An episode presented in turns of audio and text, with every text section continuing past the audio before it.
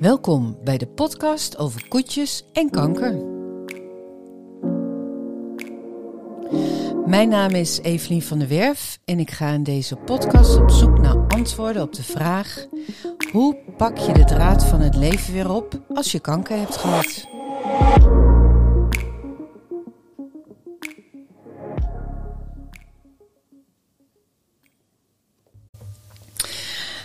Bij mij aan tafel zit vandaag Maaike Koning. Zij heeft zich twee keer door de kanker gewerkt, zoals ze dat zo mooi zegt. En is bezig met haar bijzondere boek Wacht af.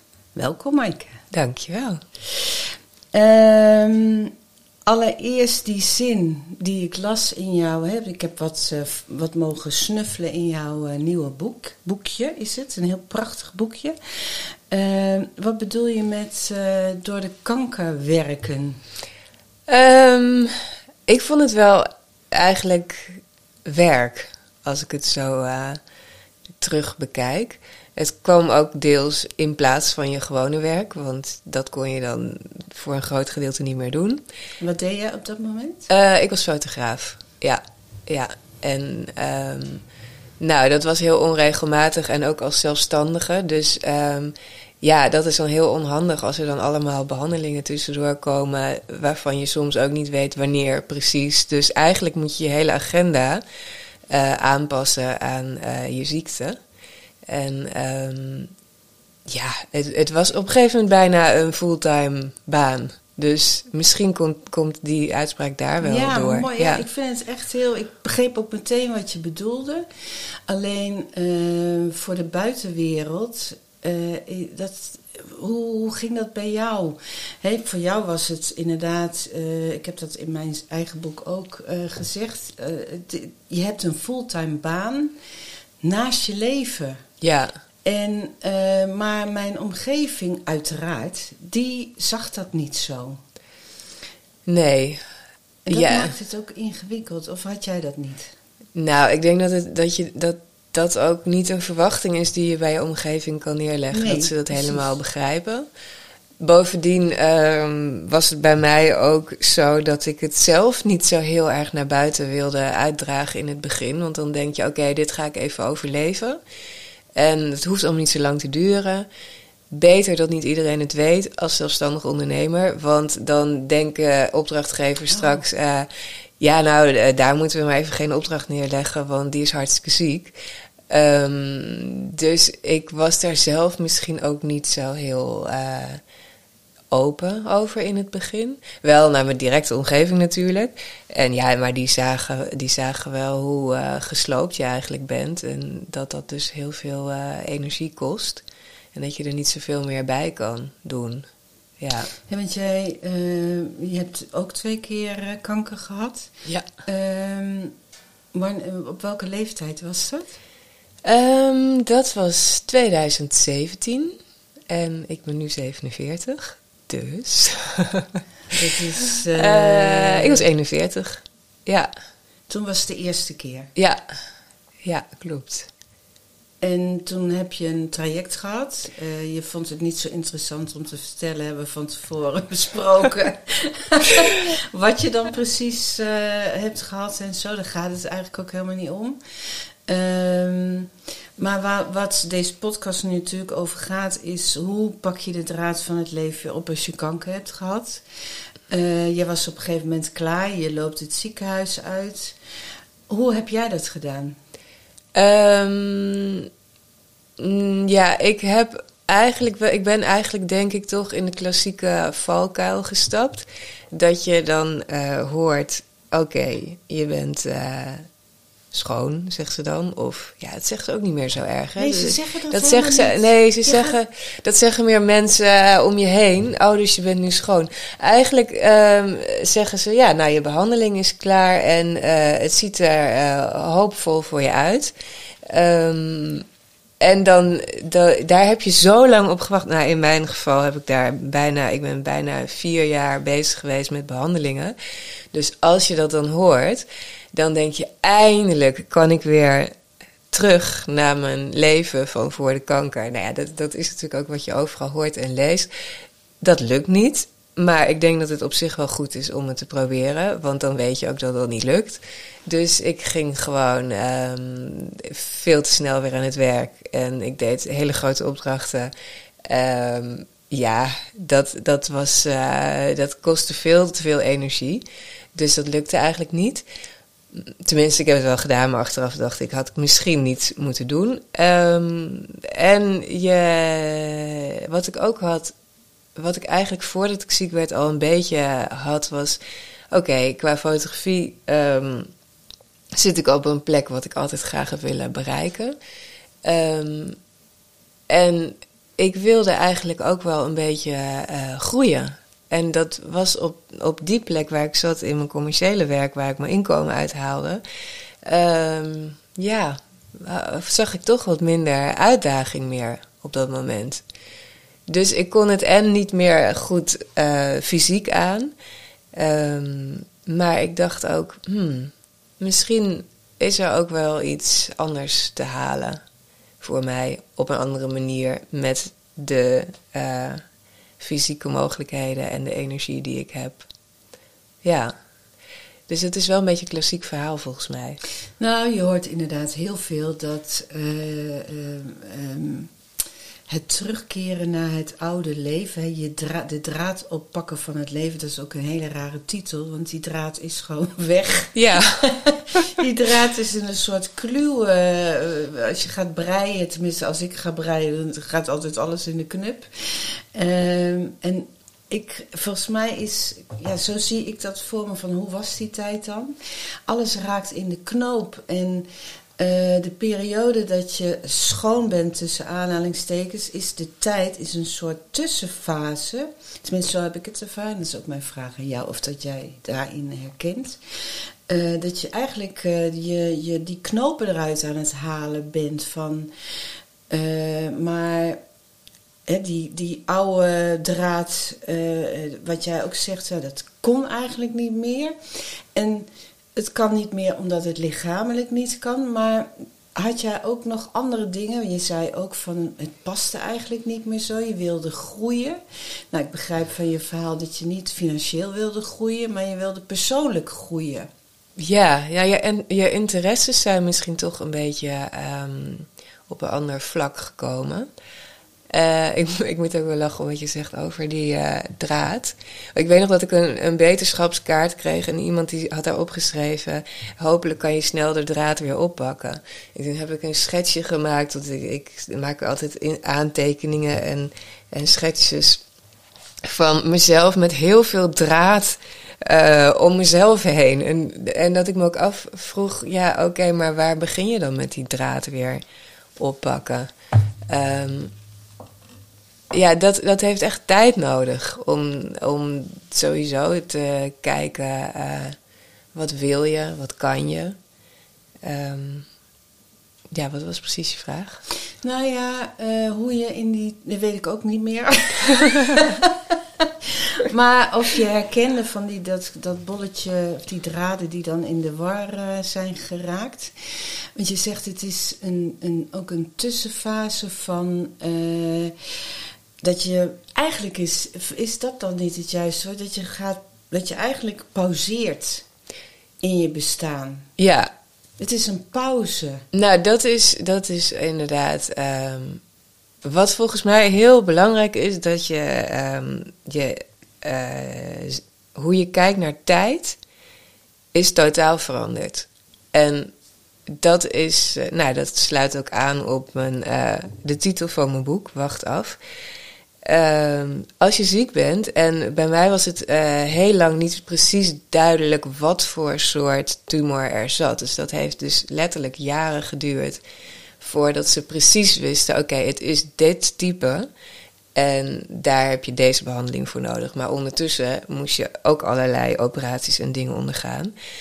Dus elke keer uh, je staat de hele tijd in de wacht tijdens je ziekte. Van oké, maar wat gaat er komen? Ga ik het overleven? Want dat ligt natuurlijk aan wat voor uh, type het precies is. Um, dus eh, de hele tijd zit je weer in die wachtkamer. Ik heb dat later geteld. En dat is, ik heb 300 keer ongeveer in een wachtkamer gezeten. En het was zo symbolisch voor dat je, je wacht op een diagnose, je wacht op de behandeling, je wacht op of je het gaat overleven of niet. En um, daarna ben je je dus heel bewust van tijd. Oké, ik heb nog tijd. Want tijdens het wachten denk je eigenlijk: oké, het zou dus elk moment afgelopen kunnen zijn. Um, dat, is ook een heel raar begrip, vond ik. Want dan, ben je, dan realiseer je in, ineens dat je eigenlijk je hele leven lang een soort van vanuit bent gegaan dat je wel 80 wordt ongeveer, toch? Dus um, je hele toekomstbeeld heb je daarop gebouwd. Dus je hebt ook veel minder uh, haast met dingen, want je denkt, nou, ik word 80, kan allemaal nog wel. Um, en dan ineens denk je, oh, uh, nou, misschien is het, is het wel afgelopen en dan ga je afvragen wat dat dan voor je betekent. Is natuurlijk vreselijk, maar nou, je krijgt ook wel inzichten van. Uh, goh, ik heb heel veel dingen die ik heel graag wilde doen in mijn leven, heb ik gedaan. Um, maar ik bleef heel erg steken op. Uh, ik, wil, ik moet blijven leven, want uh, ik wil niet dat mijn kinderen moederloos worden. Dus dat vond ik echt um, een hele ingewikkelde. Dat je denkt, oh ja, uh, wat, wat betekent dat dan voor hun? En daar, ja, daar worstel je de hele tijd mee. Maar daar sta je ook elke keer, in mijn geval, stond ik daarvoor op. Ik vond het soms heel moeilijk om op te staan s ochtends. Maar, Omdat je zo ziek was? Ja, ziek en soms ook echt uh, ja, um, heel erg down. En mm. um, dat je het gewoon even helemaal niet meer weet. Maar ja, je staat toch op als je kinderen, als je kinderen moeten opstaan. En um, ja, dat is voor mij wel een. Uh, ook hun, ook hun, hun gedrag en dat ze thuis kwamen met verhalen. En dat was voor mij wel een um, anker eigenlijk om aan vast te ketenen. Ja. ja. Wat lijkt me dat inderdaad ingewikkeld dat je meestal krijg je een soort behandelplan. Je hebt dit, dit, deze kanker en dan gaan we dit en dat en dat doen. En dan na zoveel tijd hopen we dat het allemaal weg is. Dus dan kan je daar mentaal op voorbereiden. Ja. Dat vond ik. Uh, ik heb dat nog steeds als ik iets naars moet doen, dat ik met mezelf mijn, mijn hoofd heeft dat nodig. Dat ik denk, oké, okay, uh, bijvoorbeeld, ik, ben, ik heb claustrofobie in zo'n MRI-scan. Oh, ja. Dan kan ik met me van tevoren, ik heb ook dan met de verpleegkundige, ik wil dat je me zegt, we zijn nu tien minuten bezig, nog twee minuten, nog één minuut. Want dan kan ik mentaal, help ik mezelf daar doorheen. Maar ik kan, het lijkt me echt verschrikkelijk, zoals jij, dat je dat eindeloos. Je wil een einde hebben aan ellende. Ja. En, uh, en, en dat krijg je dan. Uh, want uiteindelijk heb je dan, uh, ben je schoon, hè, wat je zegt. Maar vier jaar behandeling erbij, je, je bent gewoon helemaal ja, op. Ja. ja, je weet het niet van tevoren. Dus dat is inderdaad een nadeel. Maar het is ergens ook een voordeel. Want als, ja, als je van tevoren weet, dit gaat vier jaar duren. Ja, dat is ook Dat zo. is ook heel uh, ja, heftig. Ja. En uh, als je van tevoren hoort, ja, en ondertussen met alle controlescans van je tumoren wordt er ook nog een ander soort kanker ontdekt. Nou, ja, ik, ik weet niet. Ja, dat, het is allebei verschrikkelijk denk ik. En ja, dat wachten is verschrikkelijk hoor. Je weet niet waar je aan toe bent. En ook je hele omgeving weet niet waar die aan toe is. Dat is ook vreselijk om te zien. Ja, daar moet je ook mee dealen. Ja, ja dus ook je ouders en, en uh, nou ja, iedereen om je heen, je hele gezin moet daarmee dealen. Het is vreselijk. Uh, maar er blijft ook ergens hoop, zolang je niet hoort: oké, okay, je gaat hier aan dood. Mm -hmm. Dus het is, het is een ontzettend gepingpong tussen hoop en wanhoop. Maar dat is denk ik uh, voor heel veel mensen met kanker of met andere ziektes is dat uh, ook zo. Ja. En als ik jou nu zie en waar je mee bezig bent, uh, zou je misschien ook kunnen zeggen. Tenminste, dat heb ik ook wel vaak met, tegen mezelf gezegd: van ik had nooit gedacht dat ik dit allemaal aan zou kunnen. Nee. Ja, je veerkracht is echt. Uh, ja, dat is indrukwekkend hè, om daarachter te komen. Ja. En voor mij, toen ik weer eenmaal het, verwerkt had, nou dat duurde ook allemaal hartstikke lang, want ik had helemaal niet door dat ik iets moest, dat ik dat überhaupt moest doen. Ehm, dat is ook de reden dat ik deze podcast ben gaan maken. Om, ik zie zoveel mensen een beetje verdwaald door het leven scharrelen na een eh, kankertraject. Dat je, moet je bewust worden, oké, dit heb ik gehad. Nu ga ik een volgende fase in. En dan komt er weer een andere fase. En dan, eigenlijk is het hele kankertraject zoals het in het ziekenhuis wordt voorgeschoten, te kort. Eh, ze noemen dat dan, tenminste zo heb ik het ervaren. Het is geen nazorg, nee, het is onderdeel van het hele kankertraject.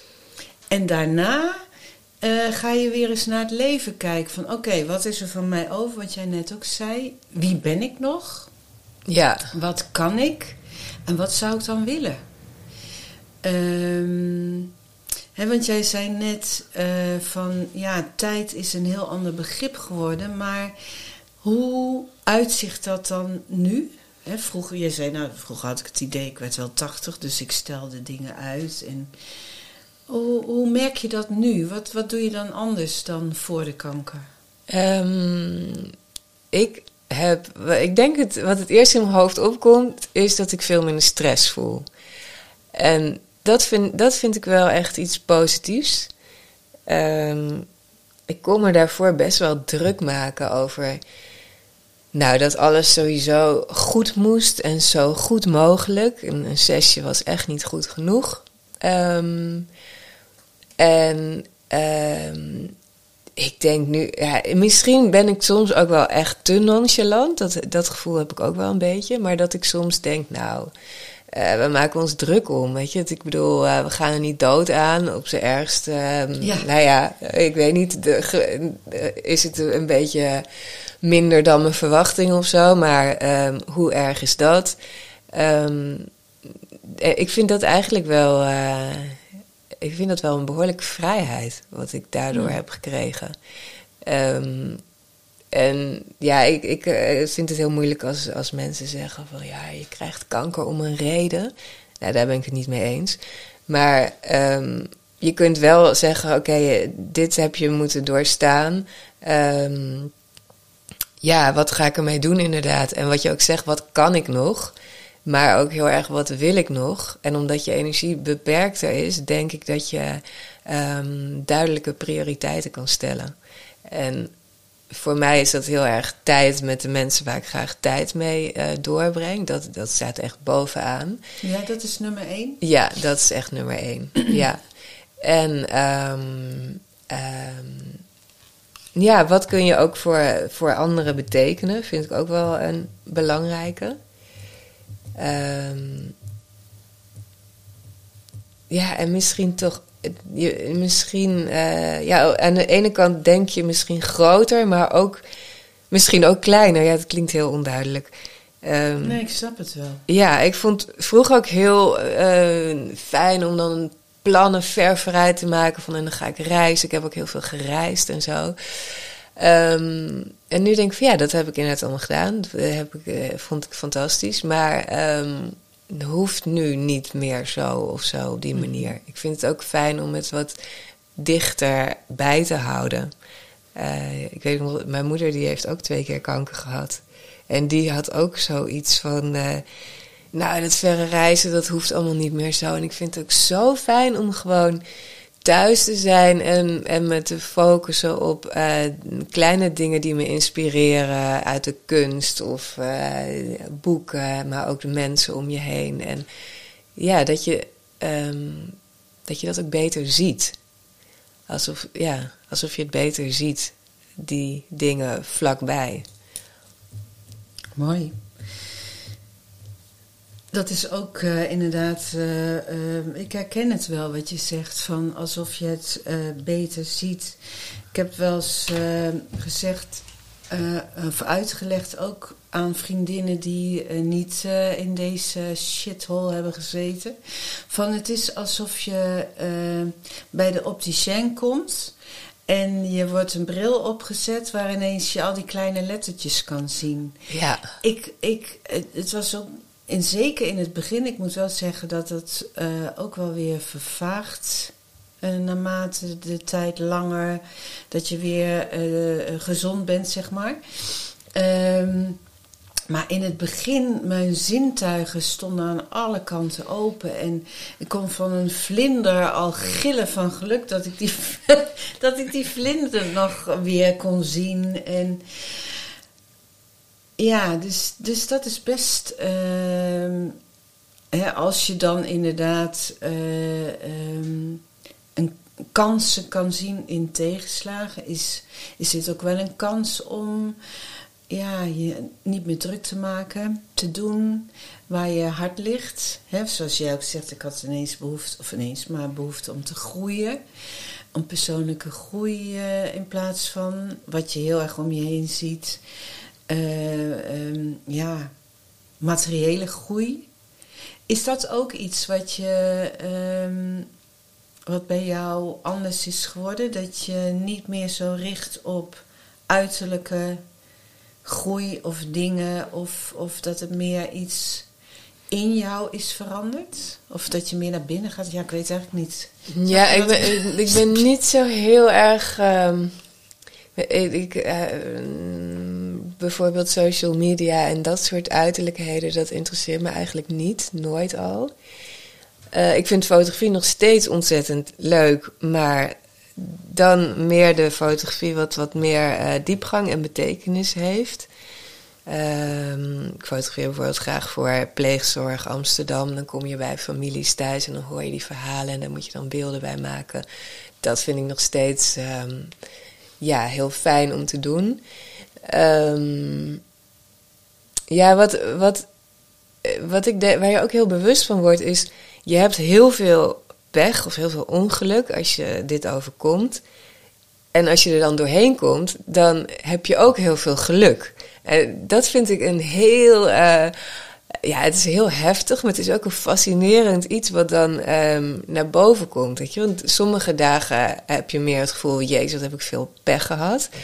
En sommige dagen denk je, ah, oh, wat heb ik veel geluk dat ik er nog ben of zo. En dat is, zijn twee zulke uitersten waar je bewust van wordt. Ja. En um, ja, ik denk ook, ik, ik ben ook wel opge, opgegroeid met best wel veel humor. Ik vind dat mijn ouders best wel veel humor hadden. En mijn grootouders, die waren ook heel optimistisch en heel tevreden met wat ze hadden, zeg maar.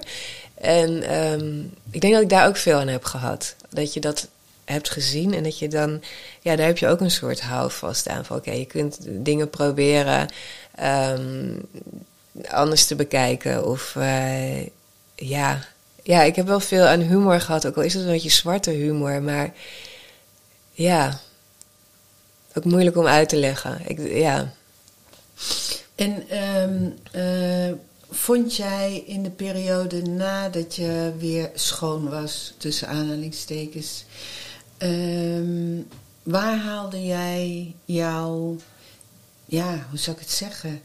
in het ziekenhuis heb je een medisch dossier en, en het is eigenlijk allemaal vrij duidelijk um, qua als je chemo's hebt of bestraling. Of je hebt een arts, is eigenlijk je manager of je specialistisch verpleegkundige.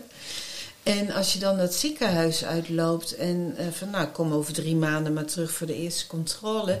Wie was toen jouw manager? Um, um, of ja, hoe wat je zei, ik, ik liep tegen dingen aan, het oude manier lukte niet.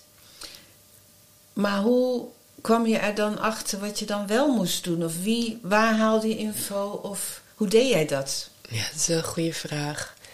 Um, ik denk toch dat je de eerste uh, tijd, misschien wel het eerste half jaar, eigenlijk nog steeds in de overlevingsmodus zit. En dan ga je automatisch maar proberen die draad uh, te vinden. En um, ja, dan, dan moet je er toch zelf tegenaan lopen dat dat inderdaad um, niet meer echt lukt. Um, ja. Ja, wie, wie of wat. Ik, ja, je, je moet het toch allemaal uit jezelf halen uiteindelijk. Je moet het zelf doen. Ja. En dat, ja, nou ja, wat we eerder zeggen, dat heeft gewoon tijd nodig. En waar ik dus zelf wel veel aan heb gehad, is tijdens, uh, tijdens de ziekte. ja, ik ben natuurlijk fotograaf, dus ik ben heel erg gefocust op hoe ziet mijn omgeving eruit. Um, maar ook heel erg, ik heb altijd mensen gefotografeerd. Um, hoe verhouden mensen zich tot elkaar? Hoe verhouden mensen zich tot hun omgeving? Um, uh, hoe gedragen mensen zich? Wat is hun lichaamstaal? En ja, dat houdt natuurlijk niet op als je ziek wordt en je zit ineens in een wachtkamer. Dat is een totaal andere wereld. En ook een soort heel raar vacuüm, vond ik. Um, hoe mensen daar zitten en hoe mensen met elkaar omgaan en um, hoe die wachtkamers eruit zien. Um, dus toen ik ziek was, heb ik daar heel veel aantekeningen over gemaakt. Dus, en ook foto's gemaakt, niet met mensen erop, maar men, uh, ik heb wachtkamers gefotografeerd, eindeloos. Ook vanuit mijn ziekenhuisbed.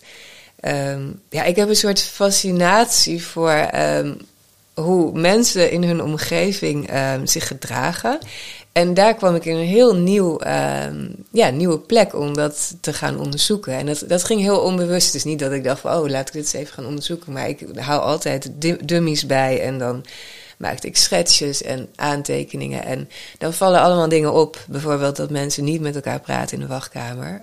Um, dus ze hebben niks aan elkaar, terwijl ze eigenlijk in dezelfde, nou, wat je al noemde, shithole zitten. En, maar dat het prikkelt ook wel heel erg je fantasie. Van oké, wie van de twee is ziek bijvoorbeeld? Ja, weet je ja, Want ik zat daar ook regelmatig met mijn Was vader. bij het AVL? Uh... Eh, nou ja, ik ben ook in het AVL geweest. En uh, uiteindelijk ben ik uh, bij het VU um, behandeld. Mm -hmm. En nou ja, ik zat daar dus vaak met mijn vader in zo'n wachtkamer. En ik, ik weet gewoon dat de meeste mensen dachten dat mijn vader ziek was. En dan werd, oh, ja. ik, de, werd ik naar binnen geroepen. En dan zag je soms mensen ook, huh? oh, oké, okay, dus zij is ziek. Uh, maar ja, dat had ik natuurlijk ook bij andere mensen. Je, je, gaat je allerlei dingen afvragen, maar je hebt geen idee. Uh, dus ik merkte dat ik verhalen ging maken in mijn hoofd over die wachtkamer en wat mensen um, zouden willen zeggen, maar niet zeggen. En um, nou, ik was ook heel erg gefascineerd door de omgeving. Dus ik denk dat, dat dat me er ook wel een beetje doorheen heeft geholpen. Door die, die tijd daar. Dan pakte ik mijn iPhone en dan ging ik toch een gekke, vrolijke koe in een gifgroene wei die aan de muur was gehangen in zo'n wachtkamer. Ging dan fotograferen en daar zag ik dan wel de humor van in. En toen ik dus weer beter werd, toen um, wilde ik dat gaan verwerken. Alles wat ik dus had vastgelegd in die dummies, dat wilde ik eigenlijk gaan verwerken. En zo um, ben ik dat boek gaan maken. En ook omdat ik, um, uh, ik. Ik was zelf een beetje op zoek naar zoiets. Waar je meer ja, ruimte voor je eigen interpretatie of reflectie op wat je bent, door, hebt doorgemaakt. Um, dus niet per se een, een heel functioneel boek waar informatie in is te vinden. Of wat precies het verhaal is, hoe ik dat heb doorstaan, want dat is het niet. Maar um, ja, meer dat je de sfeer vastlegt van oké, okay, hoe is dat dan om, nou ja, wat je zei, dat alles stilstaat. En um, nou, daar ben ik, toen ik beter was, dan mee aan het werk gegaan. En toen ontdekte ik ook dat dat dus ook best wel heel helend is om op die manier um, een periode te verwerken. En zo ben ik dan uiteindelijk, um, ook omdat commerciële fotografie niet meer goed lukte, uh, gaan kijken, oké, wat kan ik daar verder mee? En nou, ik heb altijd wel interesse gehad in uh, kinderen, gedrag van kinderen, ook kinderen die vastlopen op bepaalde dingen. Dus toen ben ik, nu ben ik beeldende therapie aan het studeren, waar mijn doel dus is om met um, beeldende middelen kinderen um, te helpen erachter te komen waar ze op vastlopen in hun ontwikkeling, zodat je daar vervolgens verder mee kan. Fantastisch. En dat zie ik wel heel erg gelinkt met um, hoe ging ik verder na zo'n periode. Ik denk, ja, daar heb ik veel, um, heb ik zelf veel aan gehad. Dat schrijven en uh, fotograferen. En ik ben uiteindelijk collages gaan maken van die foto's die ik in wachtkamers heb gemaakt. En ja, zo, ja, dat heeft me echt geholpen om uh, verder te komen en ook een, een soort van andere manier te vinden om uh, in werk verder te gaan. Ja. Ja, wat ik ook hoor is, uh, wat ik zo mooi vind, want ja, je, je ziet nu, als je luistert, dan zie je niets. ik zie jou en ik zie ineens die ogen van jou tot leven komen. Op het moment dat je het hebt over hoe je dat boek, hè, hoe je dat hebt gefotografeerd. Weet je wat ik zo fascinerend vind? Ehm, dat ehm, ziekte is, staat eigenlijk, een, een, een, ziek lichaam staat los van wie jij in uh, essentie bent. Jij bent een beeldmaker. Jij maakt beelden van dingen en die ziekte, die kanker, die kan dat helemaal niet kapot maken. Dat, en dat vind ik zo mooi. Uh, dat je, uh, wat ik eigenlijk wil zeggen is dat wat het allerbelangrijkste is in een mens, als je dat kan vinden en dat kan vasthouden, dan kan je eigenlijk niks verliezen. Want alle dingen daaromheen, dat zijn rollen die je hebt aangemeten om misschien door je leven te kunnen gaan, of omdat je dat leuk vond, of wat dan ook. Maar die rollen die veranderen continu. Maar wie jij in essentie bent, uh, de persoon die van alles ook al ga je hier in de sloot zitten, bij wijze van spreken, dan kan jij daar nog een boekje van maken. Je verwerkt het ook in, uh, in boeken, of collages en fotografie. Ja.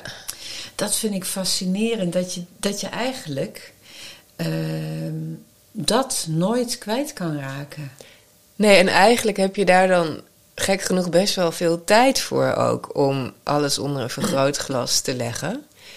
Um, en ja, het was, het, het, was ook een soort van intuïtief iets dat ik die dummies ging vullen. Ook, ik had nog helemaal toen niet het idee waar dat naartoe ging. En um, ja, dat, dat is. Uh, ja, dat is ook een soort, op een bepaalde manier een soort rijkdom, want je hebt er niks voor nodig. Alleen maar, uh, nou ja, je hebt goed werkende ogen nodig. Dat is natuurlijk ook niet meer altijd uh, wat iedereen maar heeft. Maar ja, ik, ik uh, heb daar toch ook heel veel aan gehad. Van, oh ja, dit is uh, een, een nieuwe wereld. En wat ik daarvoor als documentairfotograaf meer deed, is oké, vastleggen wat ik zie. Weet je, ik ging in Amsterdam-Noord wonen, bijna twintig jaar geleden. Dat was een stadsdeel wat heel erg aan het veranderen was.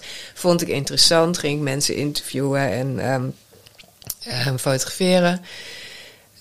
Maar nu ging het ook heel erg over een emotie van oké, hoe leg ik deze emotie vast? En daar heb ik dan ook tekst bij nodig. Uh, nou, um, en ik kan het eigenlijk niet met alleen fotografie. Er moet nog iets met die foto's gebeuren om die gelaagdheid van wat, wat je hier voelt um, goed vast te leggen.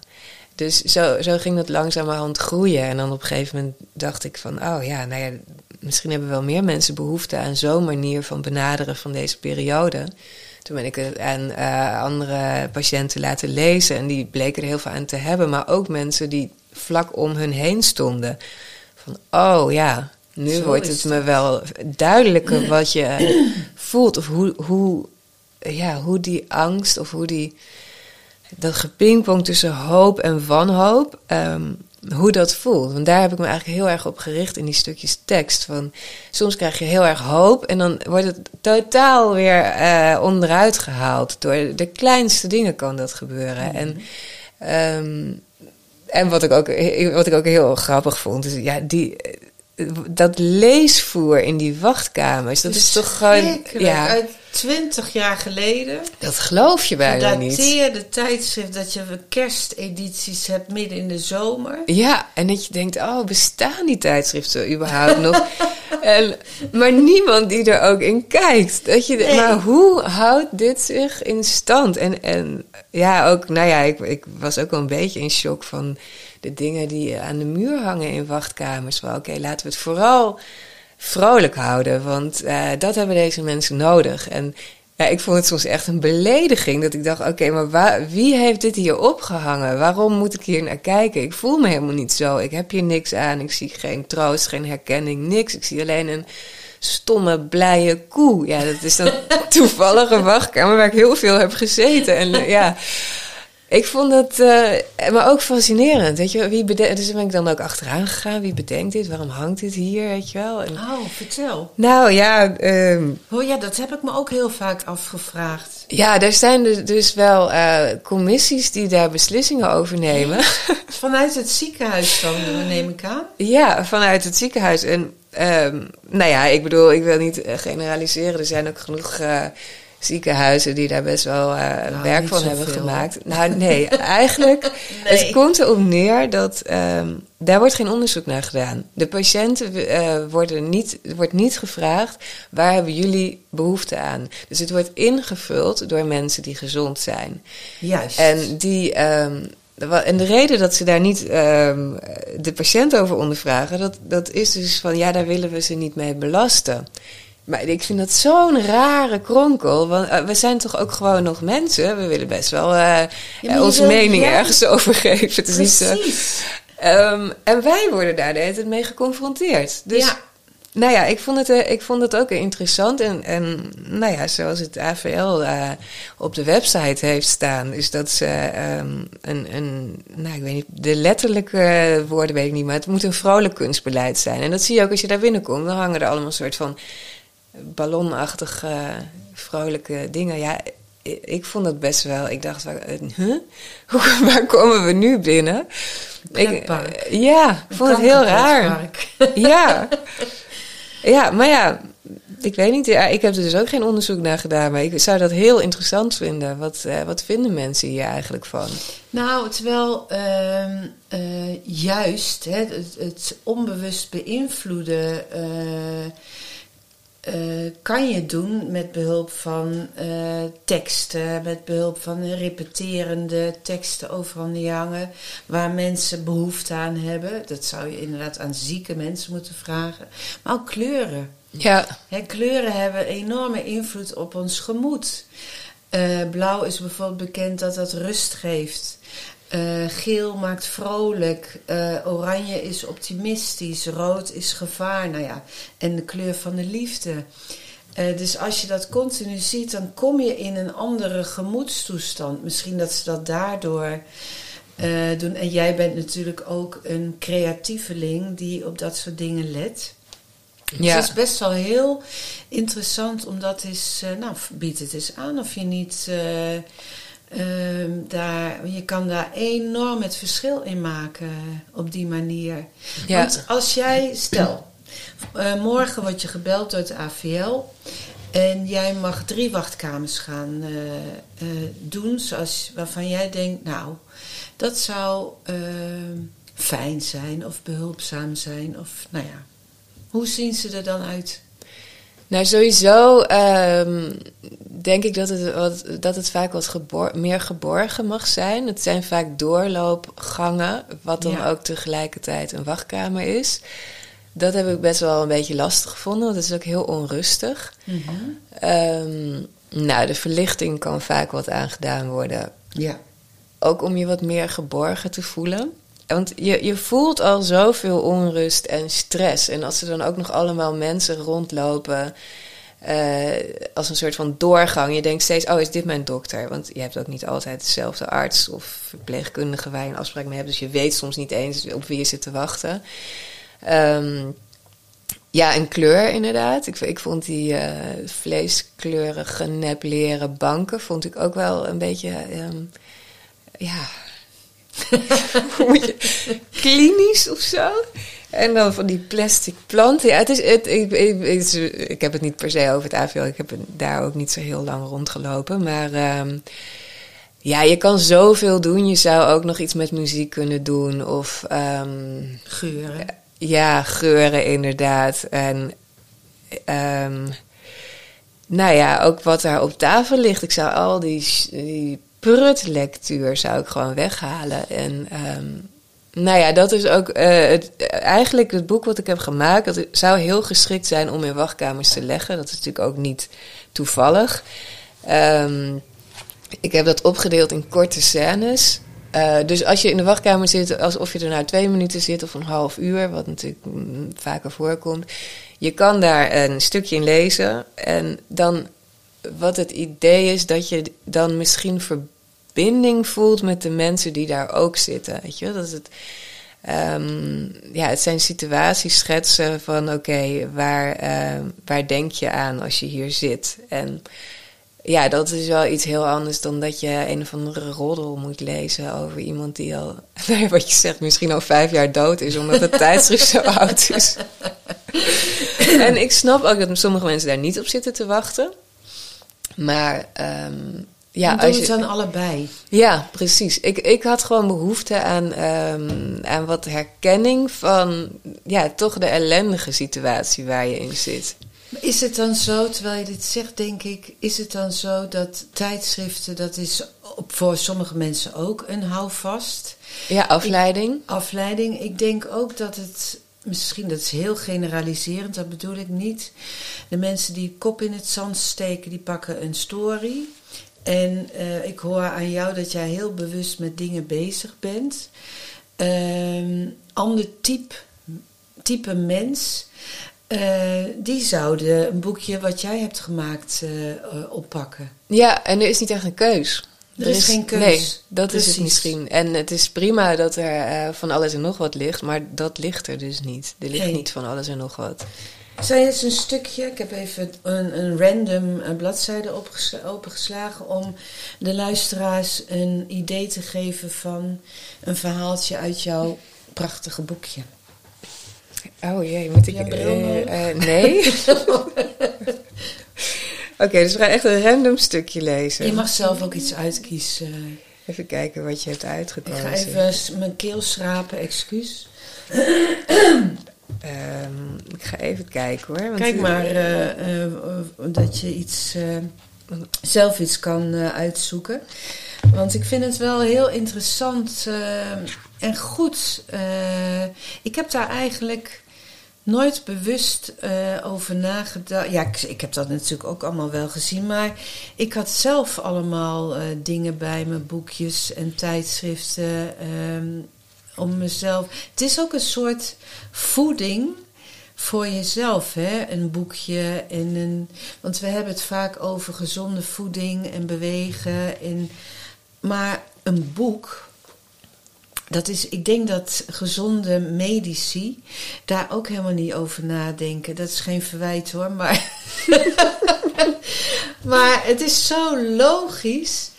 Als jij geïnspireerd wordt door een verhaal of je wordt geraakt, of dat doet ook iets met je als mens. Ja. Het is zo belangrijk dat je ook mooie, inspirerende of herkenbare, juist als je in die shithole zit, en dat je denkt, oh god, gelukkig, ik ben niet alleen. Dat weet je wel, dat zie je ook wel om je heen. Maar je hoort het niet. Nee. Je leest het niet, je ziet het niet.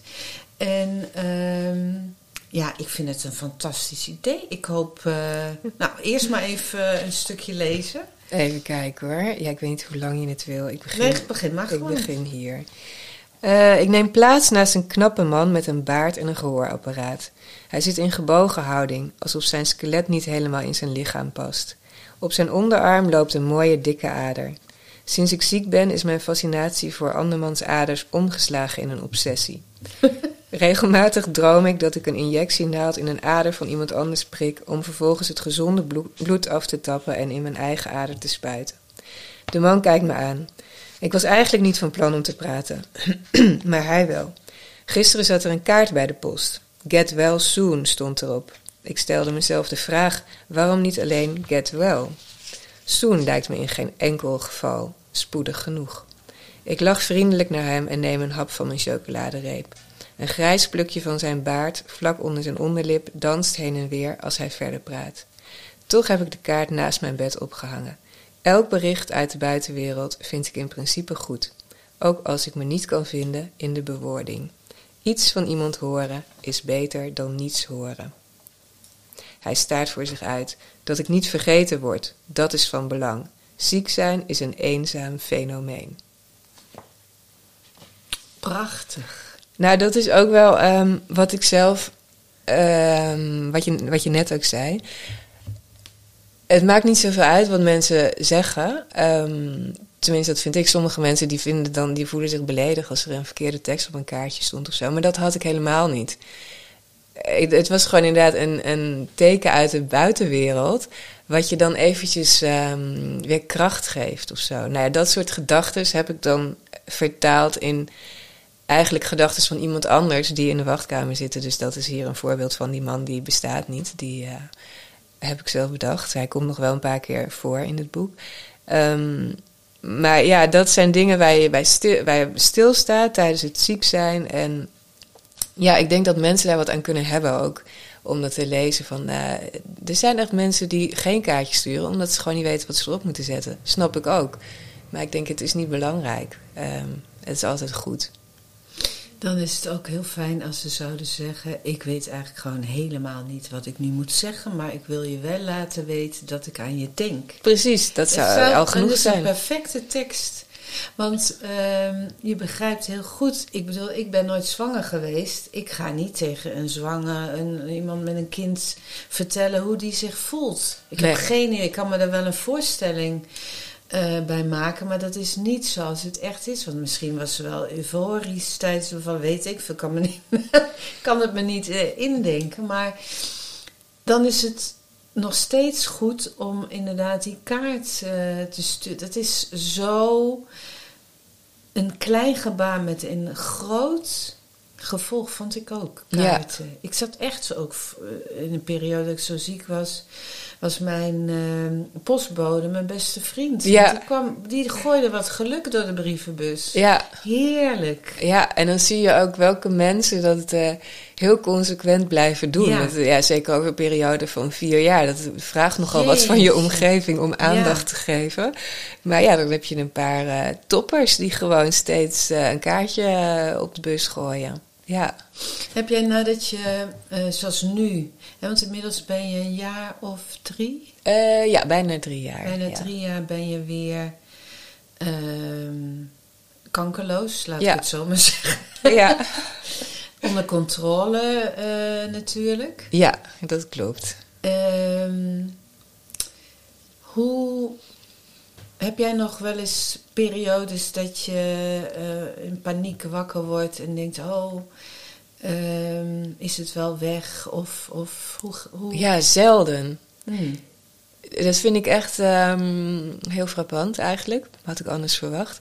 Rondom controles de, ben ik wel heel um, wankel. Dus ja, ja dat is. eigenlijk van tevoren kan ik mezelf nog wel redelijk uh, voor de gek houden. Dat het. Alsof het er niet aankomt. Maar zodra je dan het ziekenhuis instapt. Ja ja, daar, zit, daar hangen zoveel uh, herinneringen en trauma's aan. Dan, ja, dan kun je jezelf niet meer voor de gek houden. Dus dan is het echt uh, ja, even slikken. En oké, okay, ik ben hier, het is vast goed. En anders zien we het wel weer uh, daarna. Maar dan dat wachten op die uitslag, dat, dat vind ik het ergst. Dat is echt. ja, dat, ik weet niet of dat ooit verandert. Maar um, ja, dat trek ik wel slecht. Dus dan moet ik ook zorgen dat ik niet zoveel te doen heb. Uh, of juist wel, maar dan niet iets waar je echt je hoofd bij moet hebben. Um, ja, want dat is niet leuk. Nee. Nee, dan voel je wel die angst. Maar voor de rest, uh, nee.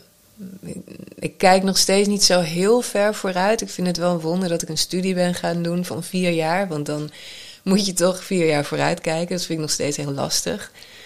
Dat je denkt, ja, we moeten maar zien of ik er dan nog ben. Dus dat, dat, heb, dat heb ik wel. Maar daar hangt niet heel veel angst aan eigenlijk. Nee. Ik kan me ook voorstellen dat die nieuwe uitdaging, je, je bent een nieuw leven aan het uh, creëren eigenlijk. Hè? Um, dat is dan ook wel weer heel mooi. En wat je straks ook al zei, dat je vanuit iets slechts ook weer uh, iets moois uit voortgekomen is. Iets waar jij uh, ja, met je hart en ziel voor in wil zetten. Um, prachtig. Ja.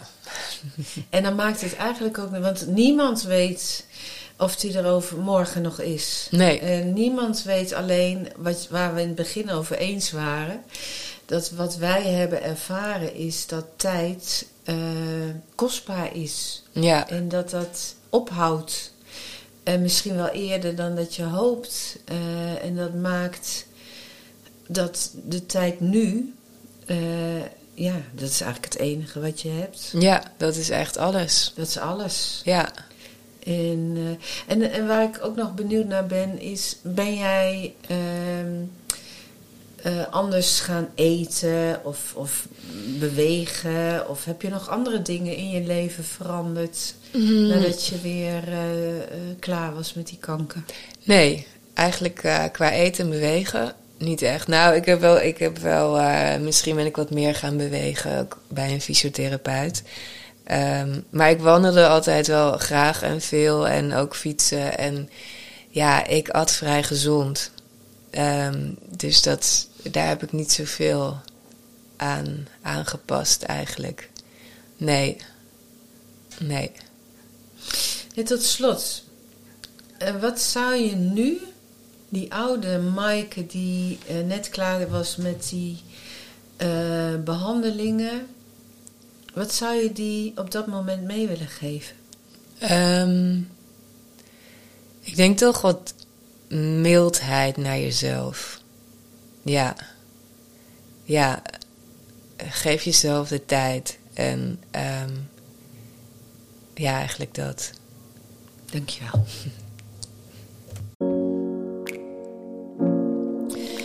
Heb jij nog tips of suggesties over onderwerpen of gasten? Laat het me weten via de mail. Evelien van der Werf at gmail.com met dubbel F trouwens. En als je denkt, wie is dat mens achter die microfoon en wat doet ze allemaal? Neem dan eens een kijkje op mijn website www.evelienvanderwerf.info. Trouwens, in het tekstblok onder deze podcast vind je altijd alle informatie over de onderwerpen terug. Bedankt voor het luisteren en tot de volgende aflevering van Over Koetjes en Kanker. Won't you let me be a lifeline?